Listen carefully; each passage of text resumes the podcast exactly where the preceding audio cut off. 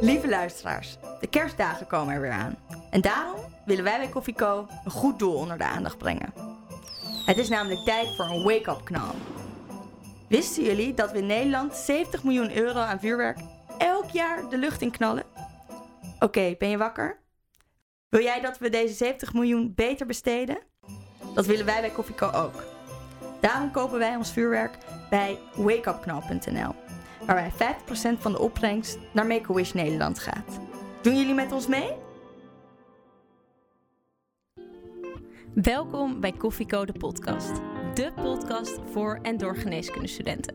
Waarbij wij, gewapend met een kop koffie, voor jou op pad gaan om interviews af te nemen met de leukste, interessantste en meest inspirerende artsen van Nederland. Dit is Koffieko. Hey Ko, ja wat doe je daar? Er staat een carrière voor je klaar. Maar je weet nog niet wat en waar. Een cappuccino maakt het minder zwaar. Dus zet je volumeknop omhoog. Want je luistert Koffie Co en je weet het zo. Papa, papa, para, para, para. Leuk dat jij weer luistert naar Koffieko, de podcast. Wij zijn Doris, Tessa En Tiara? met vandaag de gast professor Marnix Lam, nucleair geneeskundige in het UMC Utrecht. Dokter Lam, leuk dat u er bent vandaag. U heeft denk ik op de meest originele wijze ons per e-mail weten te overtuigen dat we u moesten interviewen over uw vakgebied. Weet u nog wat u mailde? Nou, het is alweer een tijdje geleden, maar ongeveer weet ik het nog wel, ja. Nou, volgens mij ma- maakte ik een vergelijking met eh atoombommetje. Ja. En dat je een atoombommetje, stel je nou voor dat je die kracht die daarvan uitgaat, dat je die zou kunnen gebruiken tegen kanker. Nou, dat is onder andere wat we bij nucleaire geneeskunde doen. En ik denk dat het heel goed is om dat eens eh, te vertellen. En daarom zit u hier vandaag. En dat maakt ons natuurlijk nieuwsgierig. Maar voordat we beginnen missen we nog wel een stukje belangrijke informatie van u. Namelijk, hoe drinkt u, eh, hoe drinkt u de koffie? Ik drink mijn koffie eh, zwart en lauw. Oh, Ja, dus meestal dan, zo, s ochtends, dan heb ik echt wel wat koffie nodig. Ik ben niet zo'n enorm ochtendmens.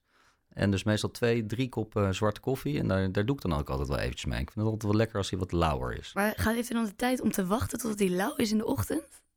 Ja, ik, weet- zo'n hete koffie, daar ben ik niet van. Oké, oké, oké. Nou, Goed om te weten. Eigenlijk willen we als eerst even teruggaan naar uw studententijd. Hoe herinnert u uw studententijd? Nou, het is een fantastisch leuke tijd. Ik heb in, eh, in Utrecht gestudeerd. En eh, ja, ik heb het eigenlijk geweldig goed naar mijn zin gehad. Het was een, een hele leuke, gezellige, leerzame tijd. En ehm co-assistent bent u ook geweest? Weet u nog waar u tegenaan liep als co-assistent? Nou, waar ik vooral tegenaan liep, was dat ik, eh, zeg maar, het klassieke eh, kruk zitten, dat, eh, dat was echt helemaal niks voor mij. Ik vond die, die kooschappen vond ik wel echt een lastige periode om doorheen te komen. Hè, dus eh, ik, ik vond vaak dat je toch erg weinig mocht doen. Er was altijd wel veel hiërarchie in het ziekenhuis. En ja, ik miste een beetje de actie. En wanneer kwam die actie? Voor mij kwam die actie eigenlijk pas op het moment dat ik eh, eh, artsassistent werd, dat ik in opleiding ging. eh, dat je echt dingen gaat doen. Hè, tegenwoordig is dat wel veranderd, merk ik. Ja, co-assistenten mogen veel meer, doen veel meer, krijgen veel meer verantwoordelijkheid. En ik denk dat dat hartstikke goed is, want zo leer je het vak. Hè, alleen maar kijken naar anderen die dingen doen, dat eh, is denk ik minder leerzaam dan het zelf doen. Waren die kooschappen dan niet heel zwaar om te overleven? Nou, niet overdrijven natuurlijk, maar eh, ik vond het niet het leukste deel van de, van de opleiding. Nee, dat kwam pas later. En wij zijn wel benieuwd wanneer u nou eh, bij de nucleaire geneeskunde terecht bent gekomen. Of wanneer u voor het eerst in aanraking bent gekomen met de nucleaire geneeskunde. Nou, het was eigenlijk zo dat ik eh, tijdens geneeskunde had ik nog eigenlijk helemaal geen idee wat ik wilde worden. Een tijdje lang wilde ik huisarts worden. Dat leek me eigenlijk hartstikke leuk. En eh, zelfs na die kooschappen waar we het net over hadden, had ik mezelf plechtig beloofd om nooit in een ziekenhuis te gaan werken. Waarom en, niet? eh, nou, ik, die hiërarchie en eh, ik, ik vond het helemaal niks. Ik was echt, na twee jaar kooschappen was ik er eigenlijk helemaal klaar mee. En toen dacht ik van, ik, ga, ik, ga, ik word of huisarts of ik ga misschien bij de farmaceutische industrie werken. En maar eigenlijk zat ik daar heel erg over te, te dubben. En toen eh, kwam ik een, eh, een, een studiemaatje tegen en die eh, Bart de Keizer, nog steeds een hele goede collega van mij. En die deed nucleaire geneeskunde. Die zei van, joh, weet je, je moet eens bij ons komen kijken. Hartstikke mooi vak. En dat, dat heb ik gedaan en ik ben nooit meer vertrokken. Dus u bent een- toen een dagje mee gaan lopen? Klopt. En ik ben een dagje mee gaan lopen en van het een kwam het ander. Toen begon het met wat research. En van research kwam ik in een aantal maanden later, ging klinisch werk doen. En toen kwam ik in opleiding. En, eh, nou, en eh, de rest is eh, geschiedenis. U was gelijk verkocht en dat, dat mag je straks gaan pitchen in de specialistenpitch. Maar eerst is het misschien wel goed om even kort uit te leggen wat de nucleaire geneeskunde precies is. Ja, nou, zoals ik het in ieder geval altijd aan patiënten, want dat is ook wel nodig. Hè. Patiënten die komen bij ons, bij ons binnen en dan hebben natuurlijk ook geen idee waar ze nou beland zijn. Wat ik altijd zeg is, wij gebruiken radioactieve stoffen voor zowel het maken van plaatjes, diagnostiek, als ook voor therapie. En waarbij het dan belangrijk is om die radioactiviteit goed op zijn plek te krijgen. Dus we binden radioactiviteit aan een tracer. En die tracer zorgt ervoor dat het op zijn plek komt. Dat kan een tumor zijn, om te kijken waar de tumoren allemaal zitten. Eh, maar het kan ook een infectieproces zijn. Eigenlijk zien we dat we voor alle eh, specialismen eh, wel diagnostiek verrichten. En eigenlijk de laatste tijd ook steeds meer therapie. Je kunt de radioactiviteit natuurlijk ook gebruiken, vooral bij oncologie, om tumoren te behandelen. Het bommetje. Het bommetje, precies. Een hele uitgebreide uitleg. Ik eh, kan niet wachten om een, u het hemd van het lijf te vragen straks. Maar voordat dat zover is, willen wij eigenlijk dat u de luisterende geneeskundestudent nog eens extra weet te enthousiasmeren in de specialistenpitch. De specialistenpitch. 30 seconden waarin jij de geneeskundestudenten ervan overtuigt om voor jouw specialisme te kiezen. Ik denk dat eh, nucleaire geneeskunde een vak is voor mensen, door mensen, voor mensen. En mensen zijn prioriteit nummer 1, 2 en 3. Eh, vind je het leuk om met mensen te werken? Patiënten, scheikundigen, natuurkundigen, biologen, multidisciplinair. Eh, ben je een autonome, onafhankelijke geest die houdt van nieuwe technieken, die houdt van innovatie en een dynamische omgeving?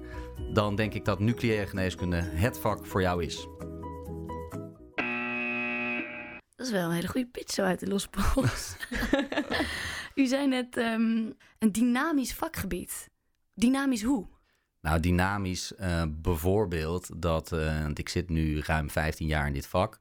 Ik denk alles wat ik 15 jaar geleden deed, eh, doe ik nu niet meer. En alles wat ik vandaag doe is nieuw.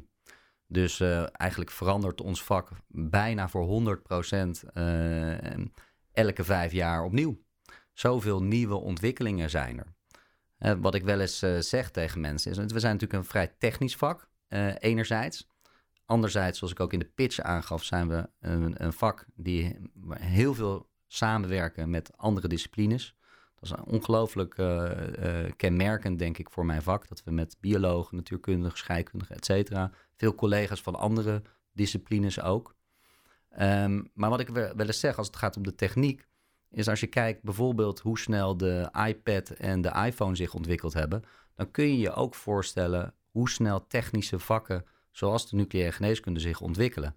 En dat zorgt ervoor dat er, dat er elk jaar nieuwe indicaties, nieuwe mogelijkheden, nieuwe apparatuur. Ja, en dat maakt natuurlijk geweldig spannend. Kunt u eens een voorbeeld noemen van een nieuwe indicatie of therapie die de afgelopen periode is ontdekt? Nou, iets waar we de, de afgelopen paar jaar bijvoorbeeld heel erg druk mee geweest zijn, is een eh, nieuwe behandeling voor prostaatkanker. Er werd een eh, eiwit ontdekt wat heel specifiek bindt aan prostaatkankercellen. Daar hebben we zelf in ons laboratorium hebben we daar lutetium 177. Dat is een nucleaire stof, een radioactieve stof. Dat hebben we daaraan gebonden. En dat gingen we, eh, we waren de eerste in Nederland die daar patiënten met prostaatkanker mee gingen behandelen. Ehm, en inmiddels is daar een fase 3-studie en eh, gaat dat ontzettend eh, snel. En verwachten we dat dat volgend jaar een nieuw geneesmiddel is. Wat we dus een aantal jaar geleden nog helemaal niet hadden. Wauw. Ja. Ik hoor nu al ontzettend veel moeilijke termen voorbij komen. En heel veel over radioactiviteit en de techniek daarmee. En mijn eerste vraag is eigenlijk: een arts die werkt met radioactiviteit, is dat niet iets engs? Nee, het is niet eng. Het is misschien eh, onbekend. En eh, onbekend maakt misschien eng. Eh, tegelijkertijd weten we heel veel van straling. Omdat er natuurlijk ook in de geschiedenis veel dingen gebeurd zijn. Denk aan eh Tsjernobyl, aan Hiroshima, Nagasaki. Door dat soort incidenten weten we heel veel van wat er gebeurt met mensen als ze blootgesteld worden aan straling. Dus we, de, de risico's worden ook elke vijf jaar worden die weer internationaal opnieuw in kaart gebracht. En wat blijkt is dat je daar, als je daar verstandig en goed mee omgaat, dat die, eh, dat die risico's heel erg acceptabel zijn. En wat zijn bijvoorbeeld maatregelen die jullie dan nemen? Qua maatregelen moet je voor, voor personeel moet je denken aan, eh, aan eh, beschermende maatregelen. Als eh, zorgen dat als we een patiënt behandeld hebben, dat je daar na de behandeling uit de buurt blijft. Dus patiënten die blijven op onze verpleegafdeling bijvoorbeeld een aantal dagen intern voordat ze naar huis mogen, omdat dan de straling minder is geworden. Dus, eh, dus afscherming eigenlijk. Dat is de, dat is de belangrijkste eh, maatregel. En verder is het denk ik het allerbelangrijkste dat je goed weet waar je mee bezig bent. En de- in de diagnostiek bijvoorbeeld gebruiken we zulke lage, kleine hoeveelheden radioactiviteit dat dat eigenlijk nooit een probleem vormt. Bijvoorbeeld ook niet voor zwangere medewerkers. Want dat is natuurlijk ook wel een vraag Ja. die we vaak krijgen. Precies. En bijvoorbeeld bijwerkingen van die radioactiviteit, hebben jullie daarmee te maken of hebben patiënten daarmee te maken? Nou, wat we zien eigenlijk is dat, eh, dat voor de diagnostiek zijn er geen bijwerkingen. Want daarvoor zijn, daar zijn, is de straling gewoon te weinig. Voor de therapieën die we ook veel uitvoeren, eh, dat kenmerkt zich eigenlijk door weinig bijwerkingen. De crux is dat de radioactiviteit die moet op de goede plek komen. Idealiter, als je een patiënt bijvoorbeeld behandelt met kanker en die heeft één tumor, dan gaat alle straling naar die tumor en gaat er nul straling naar andere organen. Dan is er eigenlijk helemaal geen risico en dan zijn er nul bijwerkingen. Nou, in de praktijk probeer zo specifiek mogelijk naar die tumor te gaan, maar zal er altijd wel een klein beetje straling ook in de rest van het lichaam eh, komen. En dat geeft een theoretisch risico. Bijvoorbeeld als je het beenmerg, als daar ook stralingsdozen komt, geeft dat een theoretisch risico dat je een tweede eh, kwaadaardigheid zou kunnen ontwikkelen. Eh, maar voor patiënten die eh, al kanker hebben, is dat meestal een aanvaardbaar risico. Ja. En dat is natuurlijk ook iets wat bij de huidige radiologische diagnostische testen en foto's bijvoorbeeld ook zo is. Is het ook zo? Natuurlijk minder dan op het moment dat je iemand behandelt. Maar het is zeker zo dat bij, bij alles wat je met straling doet, is er een, een theoretisch risico op het ontwikkelen van kanker. Dat is, Ja, dat is ja. bij alles wat je doet. En nogmaals, de hoeveelheid straling die je daar geeft is heel belangrijk. Ik ga nog eventjes door op iets anders wat u zei in uw pitch. Namelijk dat het heel erg multidisciplinair is. Kunt u eens vertellen ehm, hoe uw dag er bijvoorbeeld uitziet? Nou, we beginnen, laat ik vooropstellen dat, eh, dat eh, mijn dagen zijn eh, allemaal zeer, zeer verschillend van dag tot dag. En kenmerkt zich eigenlijk het meeste doordat we de ene dag zijn we heel erg bezig met diagnostiek. Dus dan maak je beelden en dan eh, bekijk je die beelden. En de andere dag eh, ben je heel erg veel met patiënten bezig, omdat je dan eh, in de kliniek staat. Dan ben je met de patiënt op de verpleegafdeling of op de polykliniek bezig. Dus die, die afwisseling is natuurlijk fantastisch leuk, waardoor dus ook elke dag er volledig anders uitziet. Dus ook veel patiëntcontact. Nou, en eigenlijk steeds meer, want dat is, wel, dat is wel, denk ik echt een misvatting van, eh, van nucleaire geneeskunde. Men denkt dat wij een soort techneuten zijn die de hele dag aan, eh, met een steeksleutel aan apparaten zitten te schroeven. Mhm.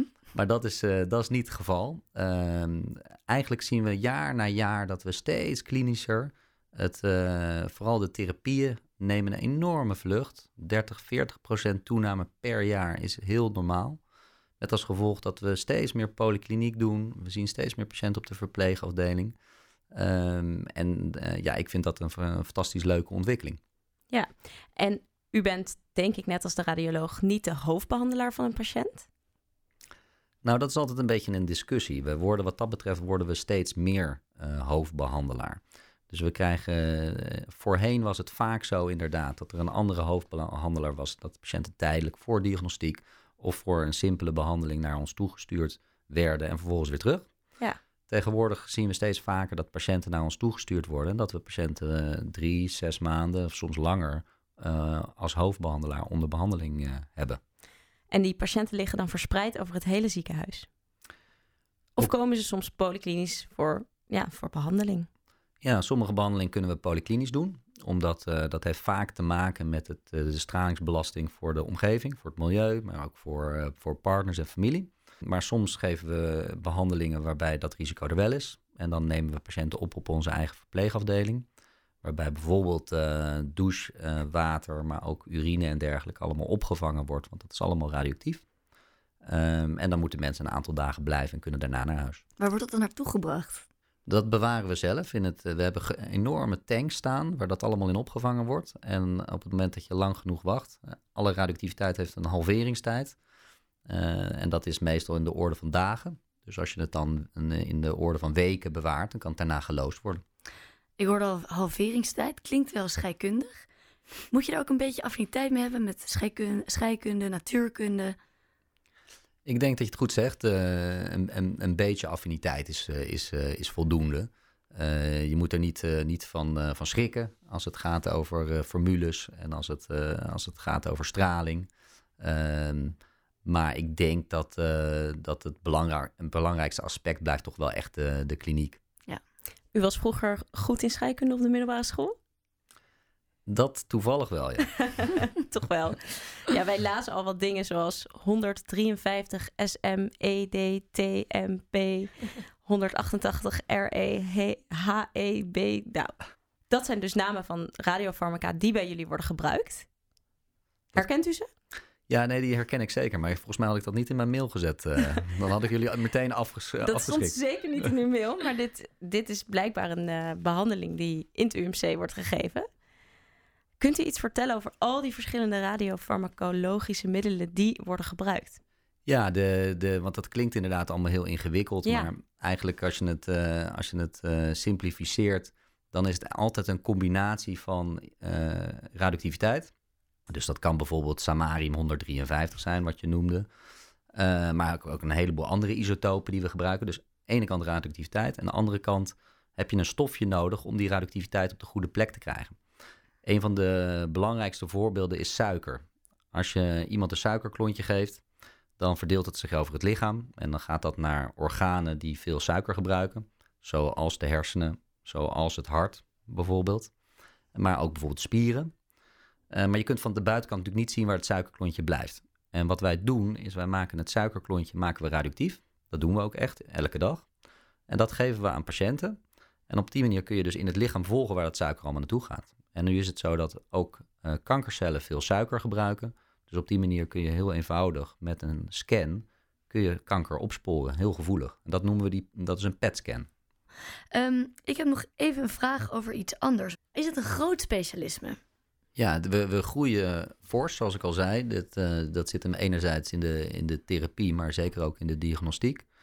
Eh, met als gevolg dat we gelukkig ook eh, collega's kunnen aannemen en dat we, dat we als staf hard groeien. Maar dat zie je ook in het land gebeuren en internationaal. Dat, eh, dat het vak inderdaad groeit. Op dit moment is het nog een relatief klein specialisme. Dus je praat over 2 tot 300 collega's, ergens daar, daartussen. Ik denk een belangrijke ontwikkeling waar we het nog niet over gehad hebben, is dat op nucleaire geneeskunde gefuseerd is met radiologie. Dat is best iets speciaals, hadden wij gelezen. dat is zeker, eh, zeker eh, speciaal. En in Utrecht waren we zelfs de eerste afdeling die volledig gefuseerd werd. Eh, wat, we- dat is al tien jaar geleden gebeurd. Nu is het ook zo dat de opleidingen gefuseerd zijn. Dus op het moment dat je nu nucleair geneeskundige wilt worden, dan begin je met een basisopleiding radiologie en nucleaire geneeskunde. En dan kies je voor een differentiatie in de tweede helft van de opleiding nucleaire geneeskunde. En wat vindt u daarvan, van die fusie? Is dat iets goeds? Ik denk dat dat een hele goede zaak is. En eh, waarom denk ik dat dat een goede zaak is? Omdat je ziet dat ehm, vooral qua techniek, de technieken die we gebruiken, die zijn heel erg naar elkaar toegekomen. Eh, even een simpel voorbeeld. Ik had het al even over de, die PET-scan, waar we dat radioactieve suiker voor gebruikten. Eh, vroeger was het zo, dan had je een PET-scan en je had een CT-scan bij de radiologie. Tegenwoordig zitten die in één, heb je een PET-CT, waarbij je eh, beide technieken in één apparaat verenigt. Ja, en dan is het eigenlijk heel erg logisch dat je dus ook de specialismen naar elkaar toe brengt. Op dit moment zijn er zoveel combinaties van eh SPECT, CT, PET, MRI. Nou, je kunt het zo gek niet bedenken. En ehm, ja, omdat die techniek natuurlijk een enorm zwaartepunt vormt van die afdelingen, is het eigenlijk ook heel erg logisch dat je dat eh, combineert. Ja. Hoe is het voor u om met al die radiologen samen te werken opeens? Nou, dat, dat, ja, dat, dat, eh, dat realiseer ik me eigenlijk niet eens. We zijn eh, gewoon collega's. Hè? En ehm, dat, eh, dat gaat eigenlijk op een, op een hele natuurlijke manier. Dat ging het overigens ook vanaf het begin. Kijk, voor mij is dat al tien jaar geleden, dus dan is, nu is dat volledig genormaliseerd. Maar in het begin was dat eigenlijk ook best natuurlijk, omdat je ook bij de radiologie heb je verschillende bloedgroepen. Dus je ziet bij de radiologie bijvoorbeeld de meer therapeutisch ingestelde radiologen. Dat zijn de interventieradiologen. Je hebt kinderradiologen, je hebt neuroradiologen. En daar passen wij als nucleair geneeskundige of nucleair radioloog, als je wil, passen we daar eigenlijk heel natuurlijk in. En wat is nou eigenlijk het verschil? Want u noemde eigenlijk dat het samenkomt, dus functie en anatomie in één scan. Want dat is wat met PET-CT gebeurt, als ik dat zo mag invullen. Maar is het, wanneer kiezen mensen nou voor de, voor de radiologie en gaan ze daarmee door? En wie ziet u dat willen doorgroeien in uw, uw specialisme? Wat we op dit moment uh, zien is dat de, de uh, collega's, dus de artsassistenten, die, uh, die moeten dus inderdaad op een gegeven moment kiezen voor een differentiatie. Ik denk dat men de, de, de belangrijkste overweging is de combinatie van diagnostiek en therapie. Dat gecombineerd met de snelle innovatie. Dus we doen zo, zoveel nieuwe dingen. En, en mensen, dat trekt mensen aan. Uh, ik merk ook, en dat vind ik ook natuurlijk hartstikke leuk om te merken, dat we best een heel populair, uh, uh, populaire differentiatie zijn. Um, Hoe merkt u dat? Dat, dat er veel animo is. Dus, veel aanmeldingen. Ja, ja, dus want je begint, kijk, het begint met een grote groep artsassistenten die dus de, de, de, eerst de basis doen. de common trunk noemen we dat. En dan moet er op een gegeven moment gekozen worden. Maar we hebben totaal geen moeite om uh, mensen te verleiden om voor de nucleaire geneeskunde te kiezen. En hoe selecteren jullie dan?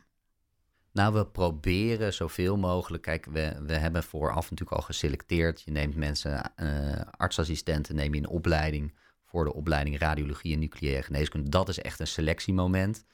Uh, en vanaf dat moment probeer je mensen gewoon zo, zoveel mogelijk tegemoet te komen in hun wens voor een bepaalde differentiatie. Precies. We hebben het nu over de opleiding. En dat is eigenlijk dus dezelfde opleiding waar wij het een paar afleveringen geleden al over hebben gehad met uh, dokter Nievelstein. Dat is ook een collega van u dus. Zeker. Die kent u ook. Hoe lang duurt de opleiding nou ook alweer voor radiologie? Uh, vijf jaar. Vijf jaar, ja. En de Common Trunk, hoe lang duurt dat? Dat is 2,5 jaar. 2,5 jaar. En hoe is die anders, die opleiding, dan, dan die u heeft uh, gekregen? Nou, het belangrijkste verschil is dat um, uh, in mijn opleiding zat er maar heel beperkt werden de, de radiologische technieken uh, onderwezen. En was dat er veel meer focus op de kliniek. Dus uh, bijvoorbeeld ook een jaar interne geneeskunde. Dat jaar interne geneeskunde is er nu uit en is nu het focus meer gekomen op de radiologische technieken. Dat lijkt wat, uh, wat vreemd wellicht, omdat, we, omdat ik ook net zei dat juist het therapeutisch deel zo in opkomst is. Wat we daarom nu zien is dat uh, na de opleiding dat uh, nucleair geneeskundigen die vooral interesse hebben in dat therapeutisch deel, dat die vaak nog, uh, nog een, bijvoorbeeld een fellowship doen om zich daar nog weer extra in te, in te verstevigen. Precies. En de degene, de AJOS'en, die uiteindelijk voor de nucleaire geneeskunde gaan kiezen. Wat zijn volgens u nou karaktereigenschappen die echt in het bezit moeten zijn van zo iemand? Nou, ik vind het altijd wel leuk als mensen een beetje eigenwijs zijn en, uh, en autonoom durven, durven denken. Ik denk dat, het, dat je niet moet schrikken van vernieuwing. En dat je het leuk moet vinden om met innovatie bezig te zijn in een dynamische omgeving, waar, waarbij dus ook andere disciplines, disciplines zoals uh, fysici ook, uh, ook veel te zeggen hebben en veel meebeslissen. Um, ja, als je daarvan houdt, van zo'n omgeving, dan is dat echt een, uh, is het echt een vak voor Want mensen. U zegt, u werkt samen met natuurkundige, scheikundige, biologen. Kunt u daar een voorbeeld van noemen, van noemen hoe die samenwerking gaat?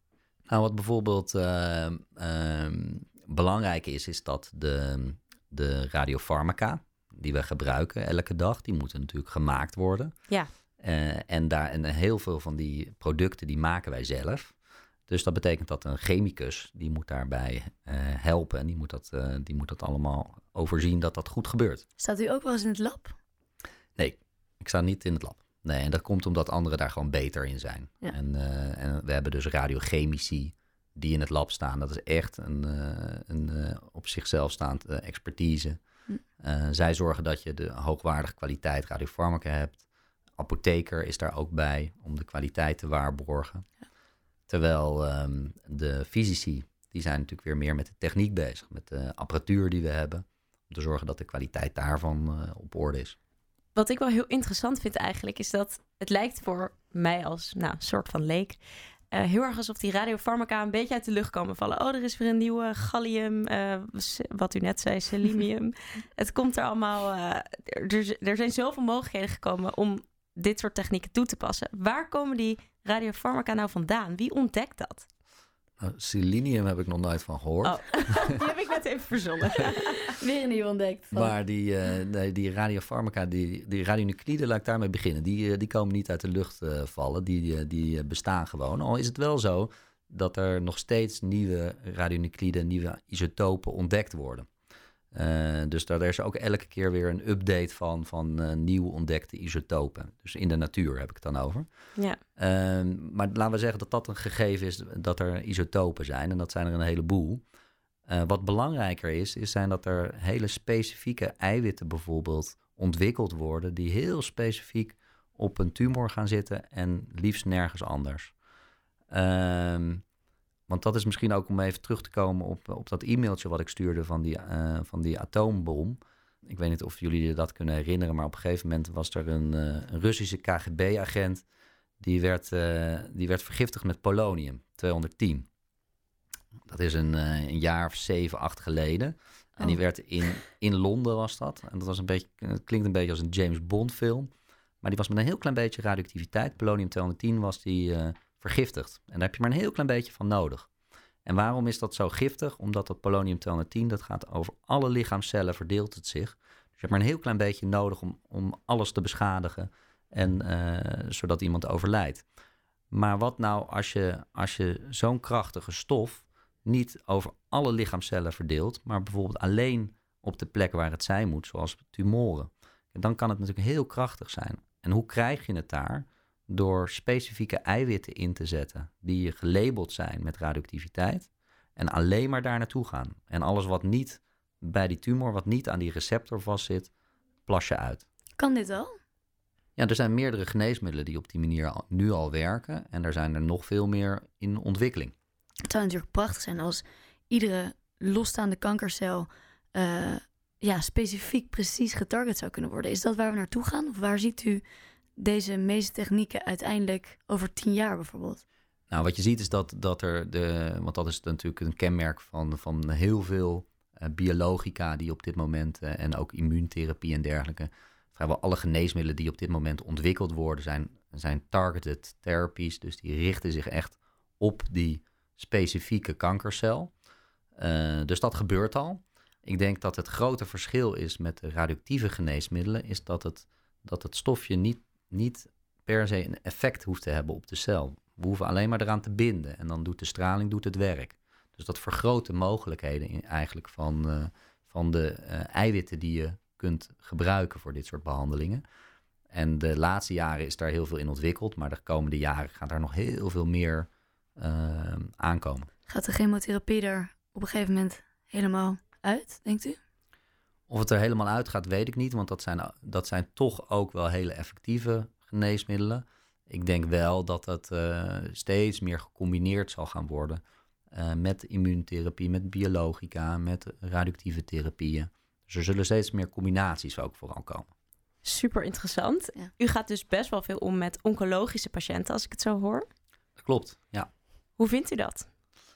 Ja, dat is heel bijzonder. Dat is heel bijzonder, want eh, dat levert, eh, dat levert eh, bijzondere momenten op. Het is voor een belangrijk deel, en daarom begon ik ook in mijn pitch, dat het, je, moet, je moet echt wel met mensen willen omgaan in, in dit vak, omdat de oncologische patiënten die we zien, dat zijn vaak patiënten die al heel veel behandelingen hebben gehad.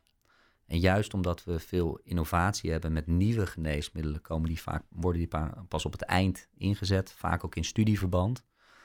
Uh, dus dan, dan heb je mensen met een heel slechte prognose, uh, met veel comorbiditeit, maar natuurlijk ook met veel vragen en, en andere moeilijkheden. Dus ook dus het stukje begeleiding wordt dan ook uh, heel belangrijk. Dus daar trekken we op de polykliniek ook wel echt tijd voor uit. Ja, hoe lang duurt een, één afspraak bij u? Vaak wel een half uur, ja. En uh, als ik mensen voor het eerst zie, dan probeer ik daar echt een uur voor uit te trekken. Kunt u ons eens meenemen in een, ja, in een patiënt die u is bijgebleven? Ja, dat is altijd een lastige, lastige vraag natuurlijk. Ik denk, ik denk als, je, als, als je het zo vraagt, dan is denk ik één ding wat me heel erg is bijgebleven. Is dat, ehm, kijk, patiënten die bij ons komen, vaak in studieverband, vaak hebben ze alle reguliere behandelingen al gehad. Zijn desondanks heel gemotiveerd om dat dan toch nog weer aan te gaan, toch nog weer een studie aan te gaan, toch nog weer wat nieuws te proberen. En één patiënt die mij heel erg bijstaat, is een patiënt, een, eh, een oud wielrenner, heel gemotiveerd. Die, uh, die eigenlijk door de gesprekken die we hadden uiteindelijk heeft afgezien van de behandeling. Omdat hij door de gesprekken die we voerden zich eigenlijk realiseerde van... goh, ik, ik mag eigenlijk ook best opgeven. En gek genoeg kwam dat moment op, uh, tijdens de gesprekken die we over die studiebehandeling hadden. Um, en dat was natuurlijk voor, voor die man zelf een heel, uh, heel heftig moment met de familie erbij. Ja, en zoiets blijf je natuurlijk wel bij. Wow, dat is wel heel indrukwekkend inderdaad. En u had daarin een grote rol in, dat, in die beslissing. Nou, wat je in zo, in, op zo'n moment vooral bijblijft, is het feit omdat je natuurlijk, je bent vanuit je professie ben je wel heel erg bezig met behandelen. Met, uh, je bent daar natuurlijk ook enthousiast over. Van, ja. uh, van de, de, de nieuwe ontwikkelingen, uh, de innovatie, de studiebehandelingen. Dus je gaat heel erg vanuit dat perspectief de, die gesprekken in. En op het moment dat, het, dat de gesprekken de andere kant op gaan en dat je je realiseert dat opgeven wel degelijk een optie is, uh, ja, dat was een van de eerste momenten dat ik, uh, dat ik me dat realiseerde en dat het er ook mag zijn. En, en dat je daar ook hele goede gesprekken over kunt hebben. En dat je dus zonder iets te doen als arts toch wat kan toevoegen. Ja, al is het inderdaad in een keuze die uiteindelijk ja, die persoon zelf moet maken. Maar het voelt tegenstrijdig. Kan ik me voorstellen dat je eigenlijk iemand wil helpen, iemand wil behandelen. Maar door de gesprekken kom je uit op dat het ook oké okay is om het niet te doen. Ja, en ik denk ja. dat, dat, uh, dat dat ook een, uh, in de omgang met oncologische patiënten is. Dat, die, dat stukje begeleiding, informatievoorziening um, en ook die opties van dingen laten uh, zijn ook heel belangrijk ja. in de zorg. De co-telefoon. Ja, de co-telefoon die gaat natuurlijk altijd een beetje een moment dat het niet uitkomt. Er is iemand die een vraag voor u heeft ingestuurd.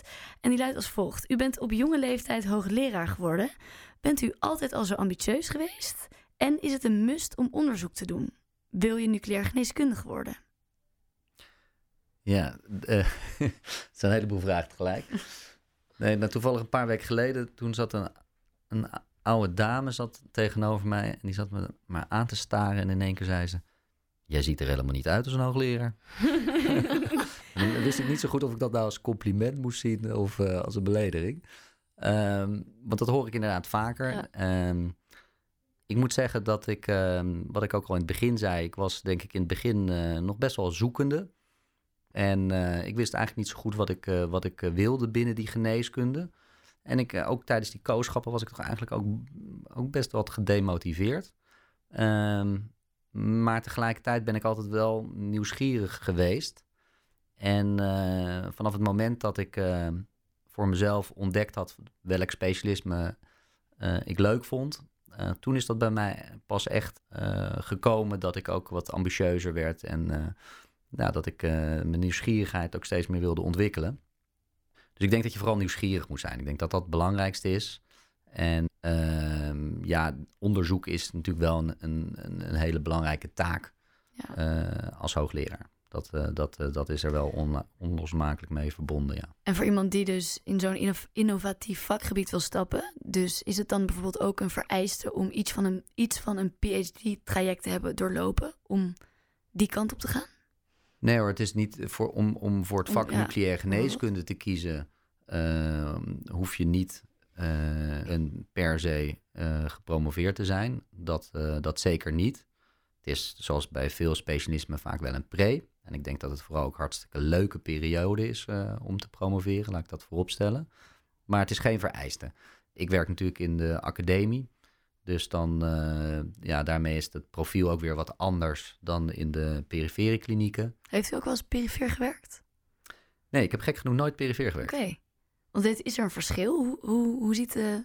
Ja, dat, is dus, dat, moet, dat ben ik misschien dus ook niet de, de beste Oh. persoon om aan te vragen. Eh, al, al praat ik natuurlijk met mijn collega's. En eh, ja, het, eh, het, is zeker wel, wel wat ander profiel. Dat, eh, al zie je toch ook bij de nucleaire geneeskunde in de perifere ziekenhuizen... dat die veel te maken hebben met innovatie. En dat heeft ermee te maken dat er gewoon veel nieuwe technieken ontwikkeld worden... die dus niet alleen academisch ingezet worden... maar gewoon in de reguliere zorg, dus ook perifeer. Zijn er nog dingen die u wilt uitzoeken? Waar u nog nieuwsgierig naar bent? Ja, ik ben naar een heleboel dingen nieuwsgierig. En ik denk dat wij eh, de, de komende jaren zal ik mij vooral richten op eh, ontwikkeling van nieuwe therapieën. Want dat is waar toch wel mijn hart ligt. Is er een droom of is er nu iets gaande, een therapie die nog ontwikkeld gaat worden, wat voor u echt een droom zou zijn dat u dat nog mag meemaken, dat dat is gelukt binnen nucleaire geneeskunde?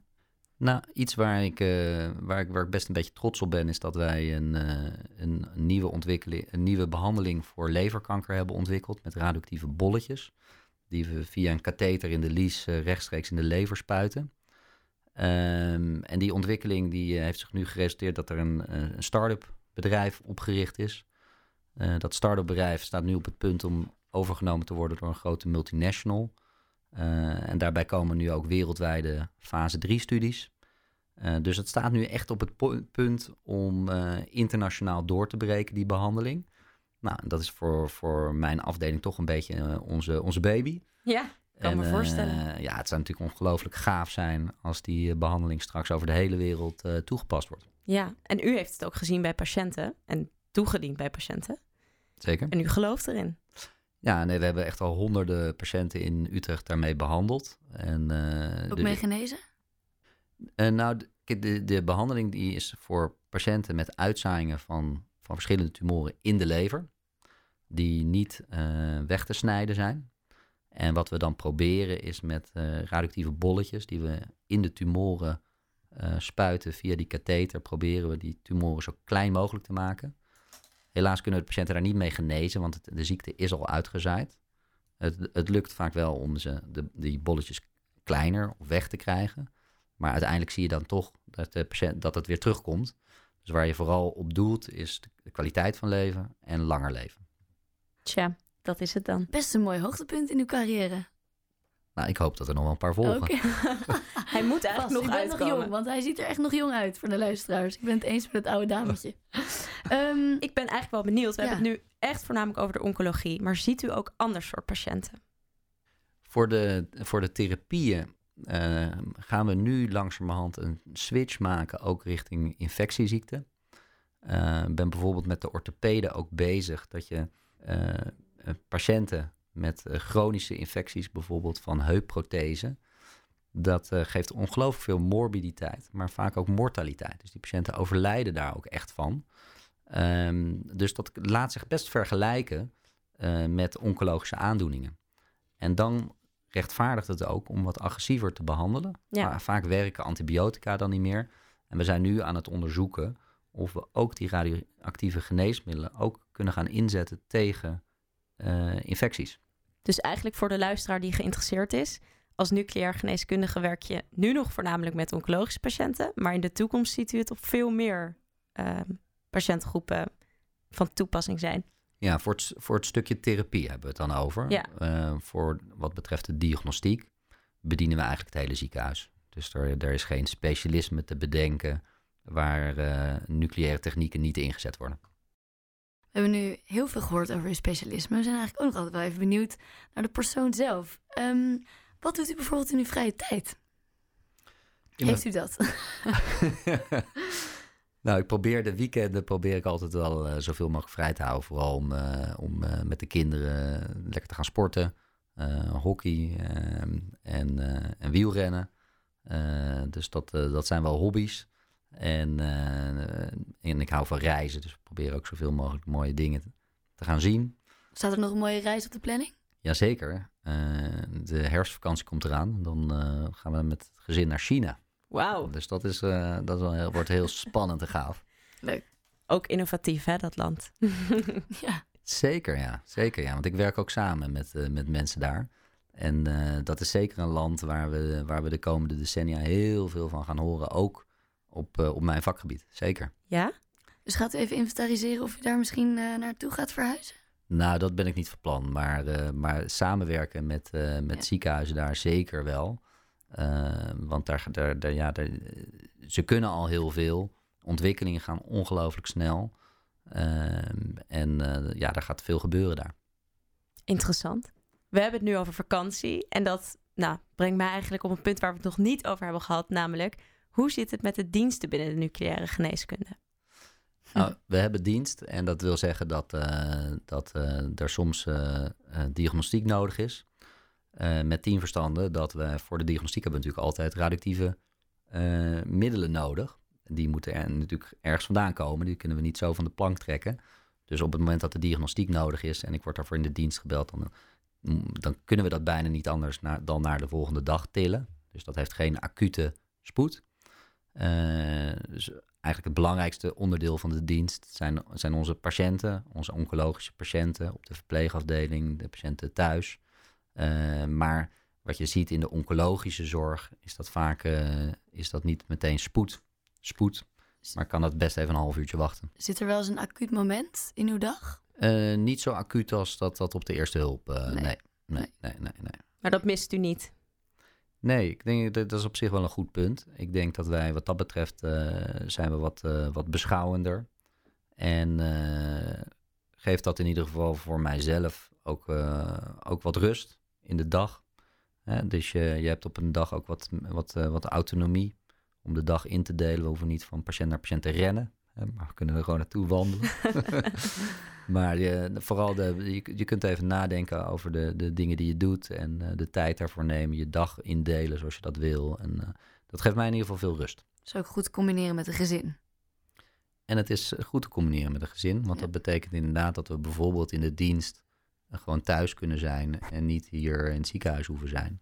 En dat, eh, dat is denk ik wel voor mijzelf wel een pre, ja. Klinkt goed. Klinkt als een voordeel. Helaas zit de tijd er al bijna op. En hebben we nog één item te gaan, namelijk het doktersdilemma. En in het doktersdilemma stellen wij u nou, twee opties. En daaruit moet u zo snel mogelijk een keuze maken. Het doktersdilemma.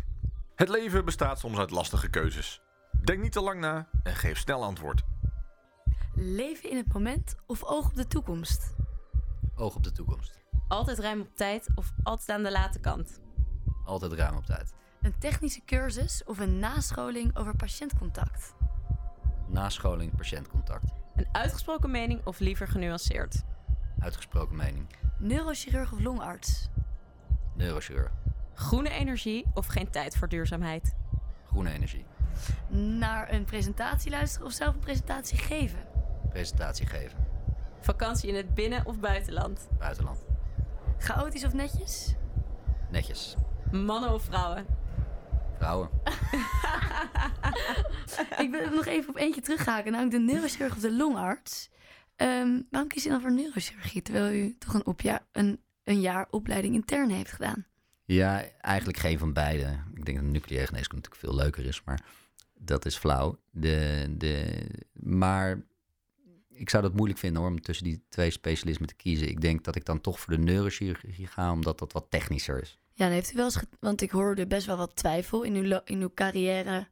Eigenlijk naar waar u nu bent. Heeft u wel eens getwijfeld om totaal iets anders te gaan doen? Zeker, zeker. Ehm, eh, wat ik zei, ik was eh, na mijn kooschappen, eh, heb, ik, het, heb ik echt voor mezelf gezegd van nou, sowieso wordt het niet het ziekenhuis.